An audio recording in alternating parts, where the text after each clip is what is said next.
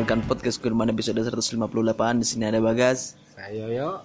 Ya, di episode 158 mungkin kita bakal nge-recap berita-berita yang beredar selama seminggu dua minggu yang lalu karena tahun eh tahun minggu lalu kita skip dan di minggu ini berita yang mungkin paling rame beredar ketika ada operasi tangkap tangan Bupati Langkat Sumatera Utara ya Bupati Utara dan dibalik setelah adanya operasi tangkap tangan oleh Komisi Pemberantasan Korupsi ternyata ditemukan ada sebuah ruangan 6 kali 6 ya.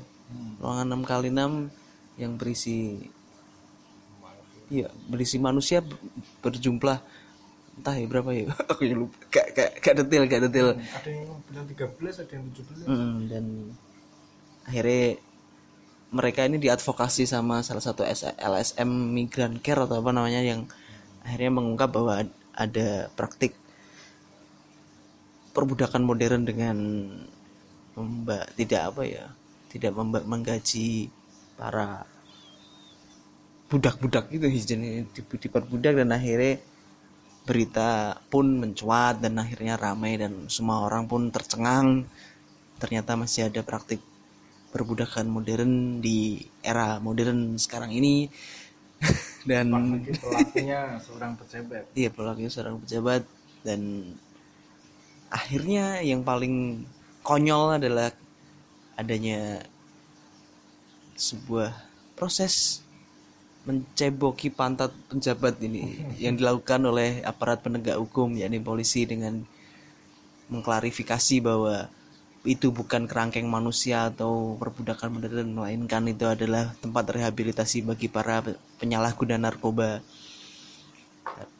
Dan ada juga yang apa ya ada juga statement juga dari Badan Narkotika Nasional di Kabupaten Langkat juga membenarkan bahwa tempat tersebut digunakan untuk rehabilitasi. Namun ketika beberapa tahun silam ketika BNN Langkat melakukan iya sidak atau survei ke lokasi ternyata memang menurut BNN Langkat masih kurang layak untuk dijadikan tempat rehabilitasi dan dan mungkin banyak banyak pertanyaan sebenarnya banyak pertanyaan banyak pertanyaan masyarakat umum ya. Misalnya apa korelasi seorang bupati membuatkan ruang untuk rehabilitasi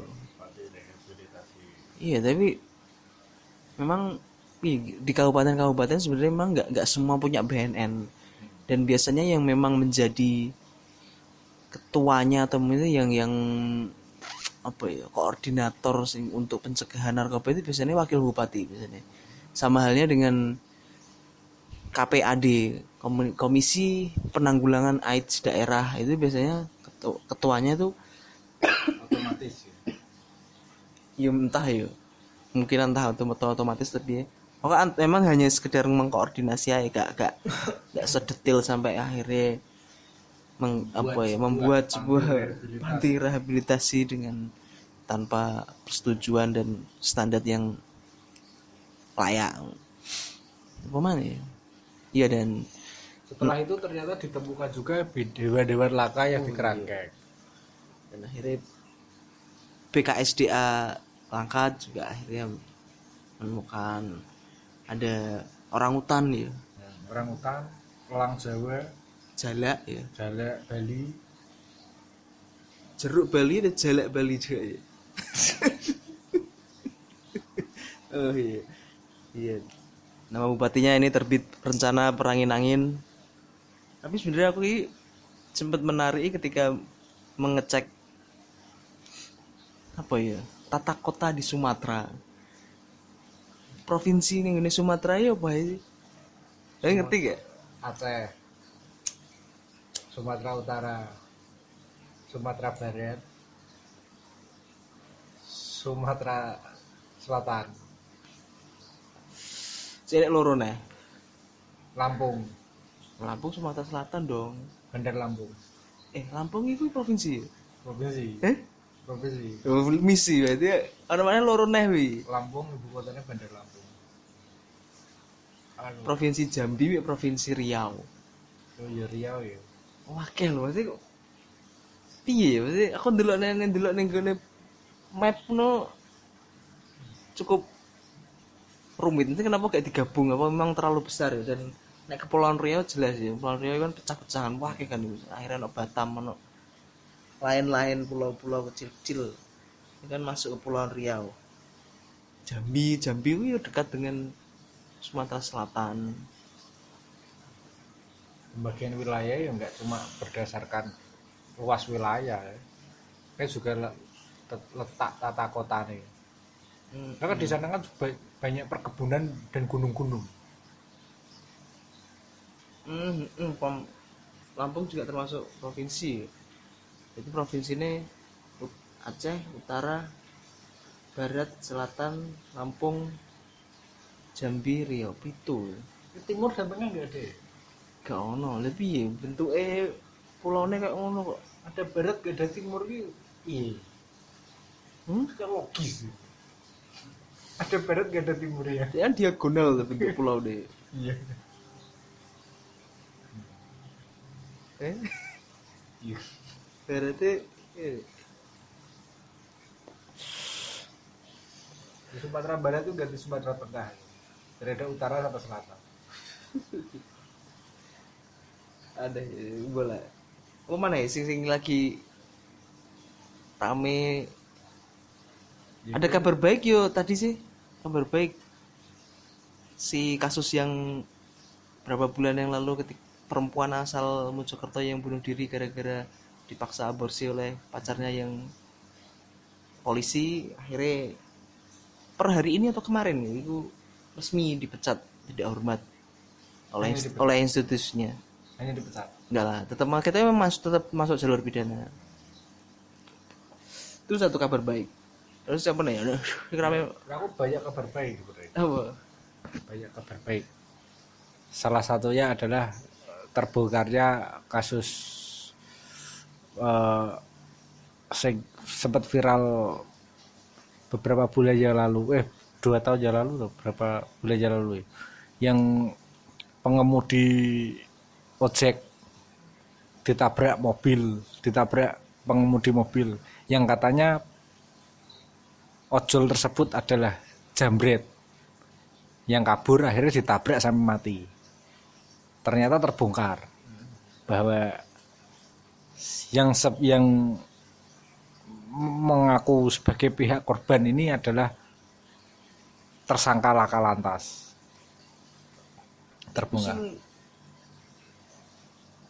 sing pelaku itu si driver. Ya iya. Si driver ojol. Enggak iya. Driver ojol. Oh, iya iya. Nah, terus- ternyata dia kan ngakune dijambret nah, setelah terbongkar tidak ada penjambretan ya akhirnya terbongkar. Orang-orang bilang eh, apa di video YouTube kasus itu akhirnya terima kasih bu. Kayak ya, terima kasih bu akhirnya sampah masyarakat. mengurangi sampah masyarakat. Terus ada semacam seleb tweet yang followernya banyak itu merasa kasihan komen-komen tersebut. Nah aku yo ya biasa aja. alhamdulillah aja terbongkar.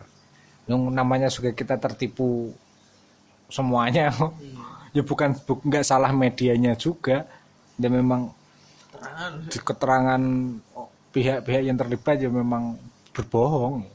Itu termasuk berita baik. Terus ini juga eh, seorang tersangka pencurian handphone bapak-bapak yang mencuri handphone untuk sekolah anaknya sama hakimnya diputuskan bebas dibeli diberikan HP baru itu yang angin segar keadilan sih gue vonis sih gue emangnya. hmm? Durung, durung vonis sih. Terakhir aku baca judul berita, baca judul berita di Twitter, terus di, di televisi juga ada ibuku yang cerita sama kasus eh, apa juga kasus apa gitu ya, hampir mirip kok. dibebaskan juga dari tuntutan ya karena ya ikulah melihat sisi kemanusiaan mungkin hmm ya pernah ya gak gak tapi aku yang lebih memperhatikan berita yang paling tak perhatikan sebenarnya tentang isu pemindahan ibu kota itu. Oh ini yang sangat menarik. Karena tiba-tiba aku lihat di video video ini narasi ya mata Najwa sih narasi ya. Lihat video ini videonya nah, cuplikan video Najwa Shihab ketika wawancara sama pemangku adat.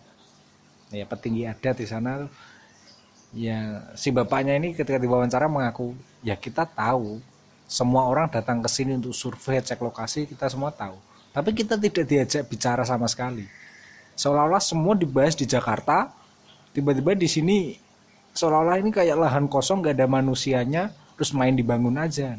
Yang kita sia-sia saja merasa eh kita merasa sia-sia sebagai warga Indonesia tapi kita tidak diajak padahal ini tanah kami yang digunakan itu yang aku paling menarik.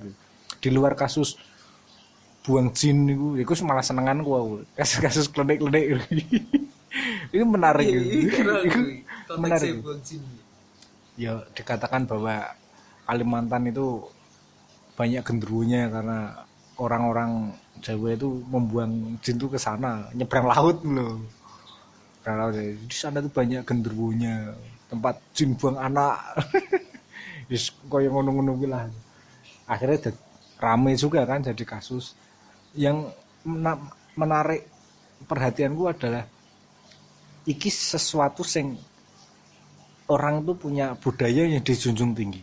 Tapi dengan dalil eh, apa ngarani pembangunan ekonomis apa pun itu itu dilangkai semua. Termasuk si arteria dahlan soal bahasa Sunda itu bahkan dari semuanya itu se- seolah-olah Jakarta sentris semuanya menggunakan kultur di Jakarta yang ekonomi pembangunan sosial itu yang sangat cepat sehingga tidak melihat aspek-aspek budaya orang setempat itu loh. Jadi yang sering kita omongkan itu yo semua itu seperti dianggap Jakarta. Dan manusia itu cuma hitungan angka. Seolah-olah kita itu nggak ada nggak ada nilai kehidupannya. Itu yang paling aku menarik. Mana ya? Iki pem- untuk memindahkan ibu kota terus apa nih sing eh, apa ngarani dokumen-dokumen sandalista. Jokowi berjanji pemindahan ibu kota tidak menggunakan APBN ujung-ujungnya tahun kemarin dibahas sih anggaran untuk pemindahan ibu kota lewat APBN Iya, dan, Selalu. dan, dan menggunakan anggaran PEN kan pemulihan ekonomi negara COVID kan ya itu akhirnya juga ambil kue dari situ juga dan yang paling apa ya yang paling picik sebenarnya proses pembahasannya sangat kilat dan membuat naskah akademik dengan kualitas yang buruk yang kem- kemarin juga sempat ramai di Twitter dibahas ya, dengan dengan kalimat-kalimat yang sangat tidak akademis sebenarnya. Cukup apa ya cukup mencederai sivitas akademika. Kayak- kan sama halnya dengan kita ingat prosesnya perumusan omnibus law juga dengan cepat itu. Padahal dia menggabungkan ribuan pasal menjadi ringkas gitu dengan cepat. Terus IKN ini juga tiba-tiba udah di, dibuat dia apa dibahas dengan cep- cepat dan kilat akhirnya kan memang sudah menjadi RUU ya itu sudah di RUU ya. Mungkin sudah udah masuk prolegnas ya program legislasi nasional. Ya dan entah ya enggak akhirnya IKN ini yo ya jadi bacaannya mana dan mestilah wis spekulan-spekulan sudah mulai bermain cari tanah di sana. Dan dan ternyata berapa pers- berapa persen di sana yang akan digunakan untuk IKN kan juga ternyata lahan konsesi tambang kan So, kenapa aku memperhatikan itu? Karena selama kuliah aku ya pernah belajar itu. Dan aku es untuk be- skripsiku ya untuk eh, apa lahan pertanian pangan berkelanjutan tidak berubah fungsi itu dua tahun. Ini pemindahan ibu kota ini setahun cepet banget iya dua tahun nih dua tahun cepet banget padahal itu nggak nggak cuma sekedar nah, lahan pertanian pangan berkelanjutan ini berapa puluh hektar sih yang dipertahankan. Jadi pemindahan ibu kota ini butuh ribuan hektar loh, untuk pembangunan eh, apa dari hutan bekas tambang. oh, dibangun gedung belum lagi mobilitas sosialnya yang berubah. Itu sih aku menarik. Soalnya eh, pada intinya yang tak perhatikan ki ya gara-gara itu orang-orang adat. Soalnya di luar selain Jawa selain Jawa orang-orang adat itu lebih memegang nilainya. Jadi nek dipangkas ngono yo jelas teh apa nek ngarani levelnya berbeda dengan masyarakat kita yang wong Jawa wis gak Jawa nih wis gampang terpengaruh sama sesuatu dari luar. Tapi kalau mereka ini memang selama ini eh koyo luput dari pembangunan kurang diawasi. Tapi ketika ibu kota dipindah langsung yang liane wis koyo gak penting nih loh kan yang patut aku sedihkan ya nek melihat berita kayak ngono. Ya sih saya, saya tak perhatikan. Berita-berita kecil sepertinya lebih banyak baca judulnya saja. Sager lewat aja no timeline. Iya IKN memang pelik gitu Mak. Itu soal anggaran itu wis kacau. Belum lagi eh apa nengarane perumusan-perumusan strategi untuk melakukannya loh ini se- selama ini eh, apa banyak banyak kebijakan yang perundang-undangan itu sangat cepat tiba-tiba berubah tiba-tiba berubah. Oh, tiba-tiba baru tiba-tiba baru. Oke, kapan nenek RUU nih soalnya sing tak ngertiku ya cuma omnibus law be omnibus law terus apa? Reformasi di korupsi loh momen niku. Ya sih ku tok RUU dibahas ya. RUU PKS RUU apa sing liyane iki cawopet bahkan vaksin vaksinnya cawopet covid cawopet tiba-tiba ini kebijakan sing jenenge PSBB terus apa nih IMPC apa ngono-ngono kuwi lah Ya, cuma aku sing aku melihat berita ki ah belum lagi kasus-kasus satu hari satu mabes. Levelnya naik. Ah, kompilasi itu tanpa jeda gitu. Iya. setiap hari ada.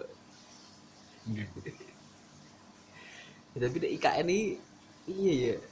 Berarti kayak mem- memang memang ya dari sisi urgensi nih ya dipandangi yo iya ya sih deh sebenarnya yo ya bisa dibilang api ya bisa dibilang api dengan Iya. pemisahan pusat bisnis ke pusat pemerintahan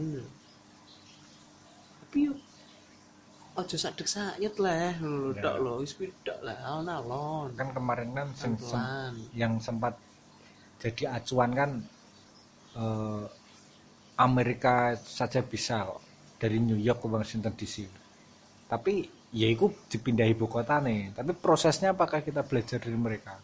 Enggak. Kekentalan budaya ini beda. Mindsetnya beda. Anggarannya beda. Bisnis negaranya beda. Isi nggak iso di padano lu nggak iso. Mesti ya gak apa-apa iso nyontoh tapi sitok-sitok dipelajari. Eh apa nengarane mobilitas ekonomi nih mobilitas apa fisik apa jadi? Infrastrukturnya terus budaya nih bagaimana peralihan dari membentuk apa kawasan hutan jadi kota sampai sing kota kalah mbek hutan hutan entek sing saiki. Banjir bandang Bojonegoro banjir bandang sering. Terus tentunya kayak ngono iku sih. Mana apalagi wi sosial, masalah sosial. Sekarang zaman sing semua serba sulit. Gampangnya gampangnya nek goblok-goblokan ya. Pembabatan hutan untuk lahan sawit. Marak. Tapi minyak angel minyak larang. Contohnya ngono ae dipikir kok, kok iso lo bisa ngono ae mesti akan ada masalah baru masalah baru Ya, belum, belum lagi pemilihan nama yang akan di- yang rencananya salah satu usulannya diberi nama Nusantara. Iya, menurut nggak? ya nggak popo sih aku malah setuju sama bapak Fadlizon kasih nama Jokowi saja Iya iya. Memang, memang presiden di periode kedua ini benar-benar tanpa beban. orang-orang orang-orang bilang kalau ya apa bahasanya ini, satir apa sarkas ini?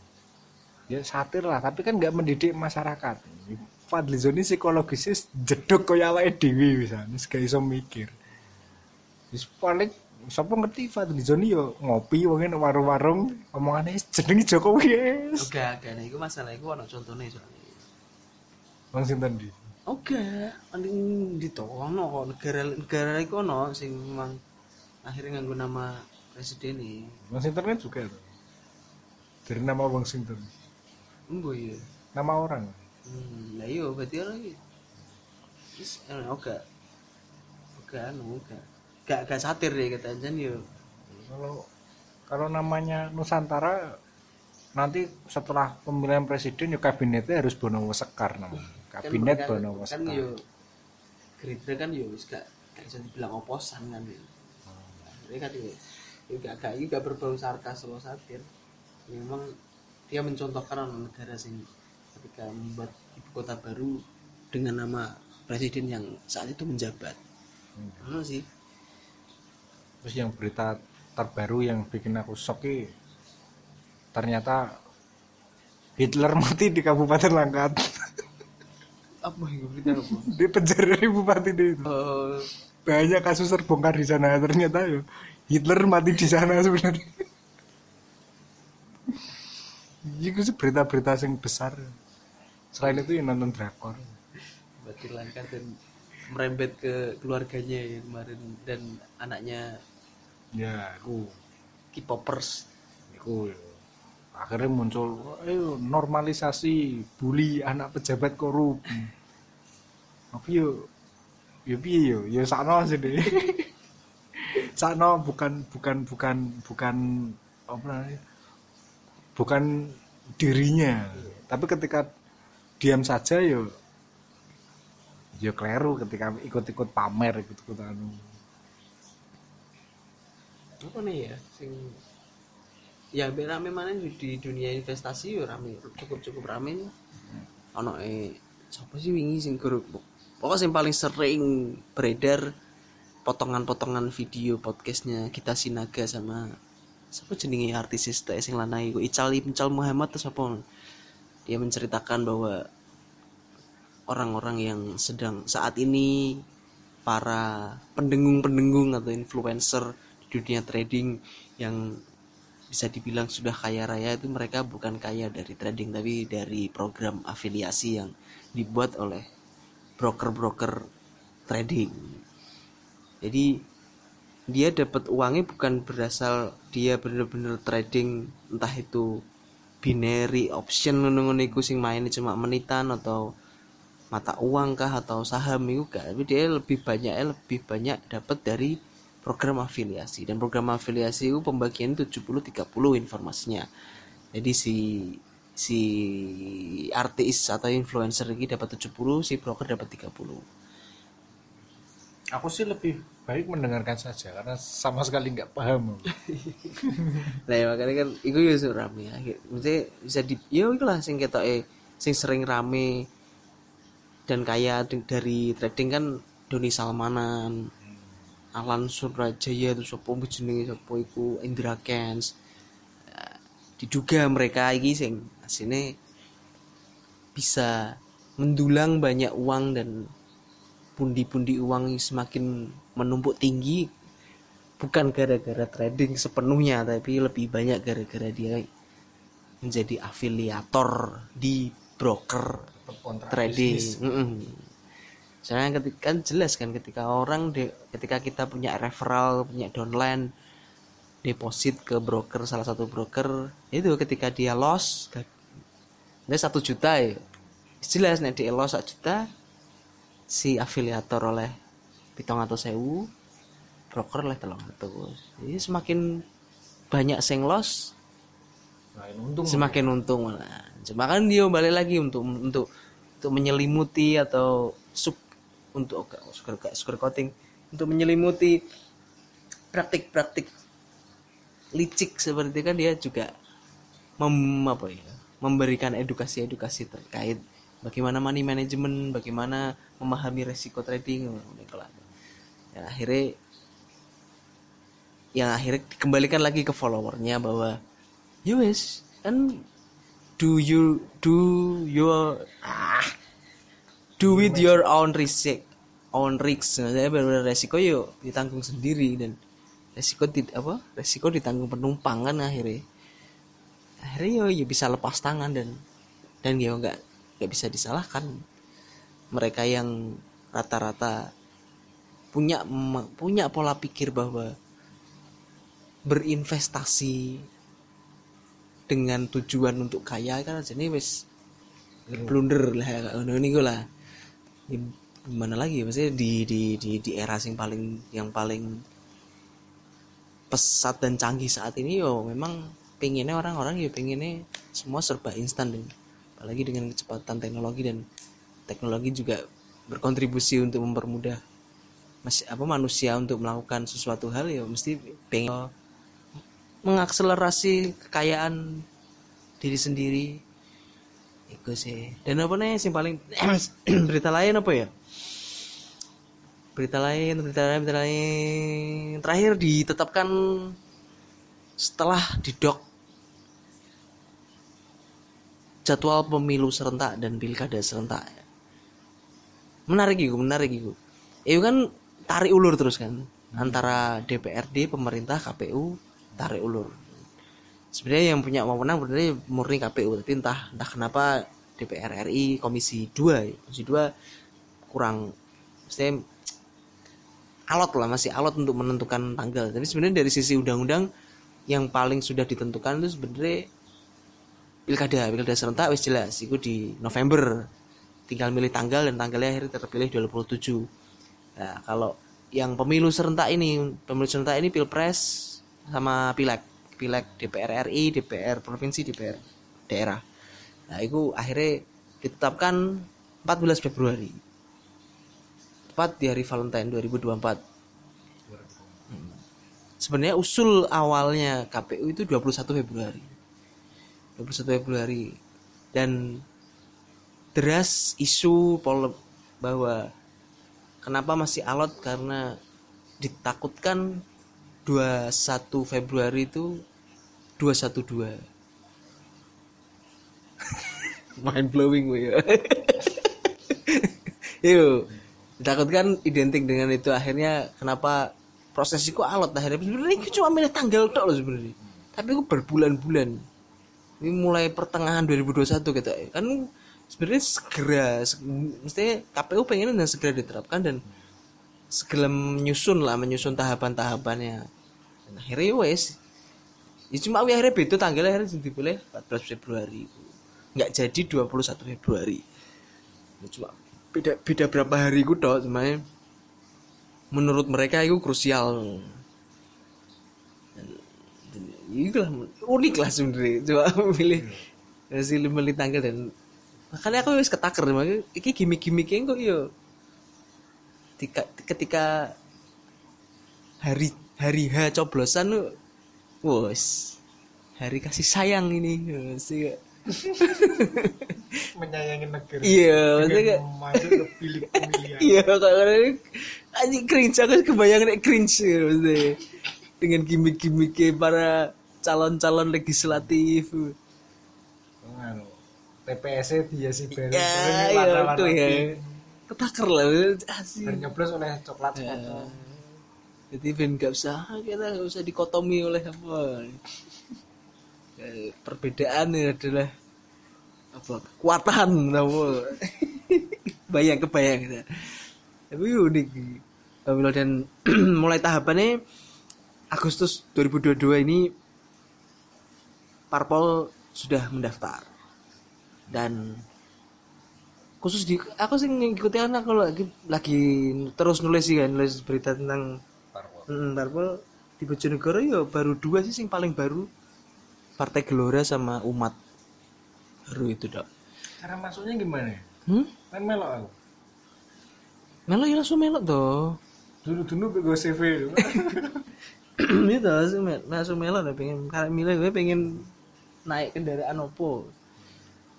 Kendaraan parpol ya. Gimana soal foto ngantor? Iya di di Bojonegoro total ada 16 partai tapi yang dapat kursi 13 yang tidak dapat kursi Partai Bulan Bintang, Partai Soli- Solidaritas Indonesia sama Partai Berkarya. pokoknya ganti bupati lah Semoga lah ya. Tapi sing sing mungkin bikin nyesek sih sebenarnya dengan adanya pemilu serentak dan pilkada serentak di 2024 suara yang didapatkan para anggota legislatif daerah Bojonegoro pada tahun 2019 itu hangus. Nggak bisa menjadi syarat untuk mereka mencalonkan pasangan calon bupati wakil bupati untuk 2024 mereka apa? Syaratnya kan 20% kan Pa- par, parli parlem parle ambang batas parlemen itu kan 20% kursi. Ya akhirnya yang dijadikan acuan itu mempilek 2024 jadi 2019 kemarin bertarung mati-matian itu bakal hangus nih tapi di Bojonegoro. Cuma yang yang yang yang pilpres tetap tetap menang. Maksudnya pilpresnya tetap presidensial thresholdnya tetap nganggu acuan hasil 2019 ono sih tapi yo semoga lah salam 0 persen ini yo muka-muka iso berhasil sih uji materi ini. Tapi tapi tapi berat berat tapi berat. Ya mbah piye pokoknya kita awal. Makanya gak haji. Tapi wes di gugat bolak balik tapi yo gagal kok. Kemungkinannya kecil sih iso sampai kedaden MK bener-bener ngedok. Sebenarnya aku kadang mikir ya peran MK ini kayak iso jemput bola kayak iso jemput bola ya mereka ya. Kudu menunggu gugatan ya. Tetap lah lantas siapa yang melindungi konstitusi kita? Ya karena tetap anggaran dasarnya ini anu pengajuan dan cairnya ya LPJN diskusi iya. Nggak iso RP mana? Ya kan tapi kan ibu dua ya jemput bola kayak kayak apa ya kan ya iso. Nyide Nah, anggaran jalan nih. Bisa kan butuh internet? Nenek ya hmm. setiap LPC Ket- bagi- kenapa? Tupoks ini lap- laporan-laporan kendala dari pelanggan. Kalau di di mana? Perusahaan plat merah selalu lambat. Jadi lihat, lihat saja di awal tahun ada anggarannya enggak nah, gitu saja toh. Gampang Gue kalau era-era dulu misalkan eh, dari anggaran 10% untuk penangkapan narkoba. Kalau habis ya sisanya ya tetap pakai. Anggarannya udah habis ya untuk bersihin itu. Dan cairnya ya pas LPG ya. Nah, ketika anggarannya sudah habis, LPG juga bisa diklaim loh ada dananya. Entah ada dananya. Ya main kuota itu sing dibikin susah. Mana ketika ketika apa nih lembaga yang punya punya wewenang untuk mengelola keuangan sendiri harusnya bisa. Tapi MK itu kan juga sebenarnya cuma alat loh yang punya anggaran ini juga yang di pusat. Maksudnya pem- pemegang kendali LPG ini penanggone eh siapa sedikit eksekutif we. hmm. Iya, ya harusnya harusnya bisa menjemput bulan. Tapi ya, ya mana ya sing gawe wakile Karena wakil rakyat kita di DPR termasuk yang mem- mem- memegang kendali kebutuhan peradilan kita nah alatnya yudikatif yudikatif ya piye piye juga boleh kayak bantah atasane Jadi nek atasane lho kita stempel gak tak capi. Gak iso. Memang iki mau mandiri ki sebenarnya yo nek nek ngarane no eh, apa bentuk pemerintahane standar ya standar. Cuma balik maneh nang SDM ya nek wis niat elek ya pone sing duwe kuwasa wis angel tapi ya iku bener. Ya berharap bahwa ketika DPR ki yo nggak pas sesuai undang-undang saat durunge undang-undang kuwi berbenturan ya MK wis MA wis wis apa nah, nyemprit wis batesi ngilingno. Dan iki nggak iso nabrak iki nggak perlu membenturkan masyarakat ngenteni laporan saka masyarakat. Gugatan ngono kabeh nenek masyarakate kabeh ternak golek duit dewi-dewi mergawe wis. Gak sempet apa jenenge? Memantau RUU wis. Piye? Ya anu nih gak? Nanya ya GNR -nya. iya sementara itu saya sementara itu sih. Bisa minggu. Minggu depan bakalan banyak yang viral oke siap. Ini udah ada cenayang bisa memprediksi minggu depan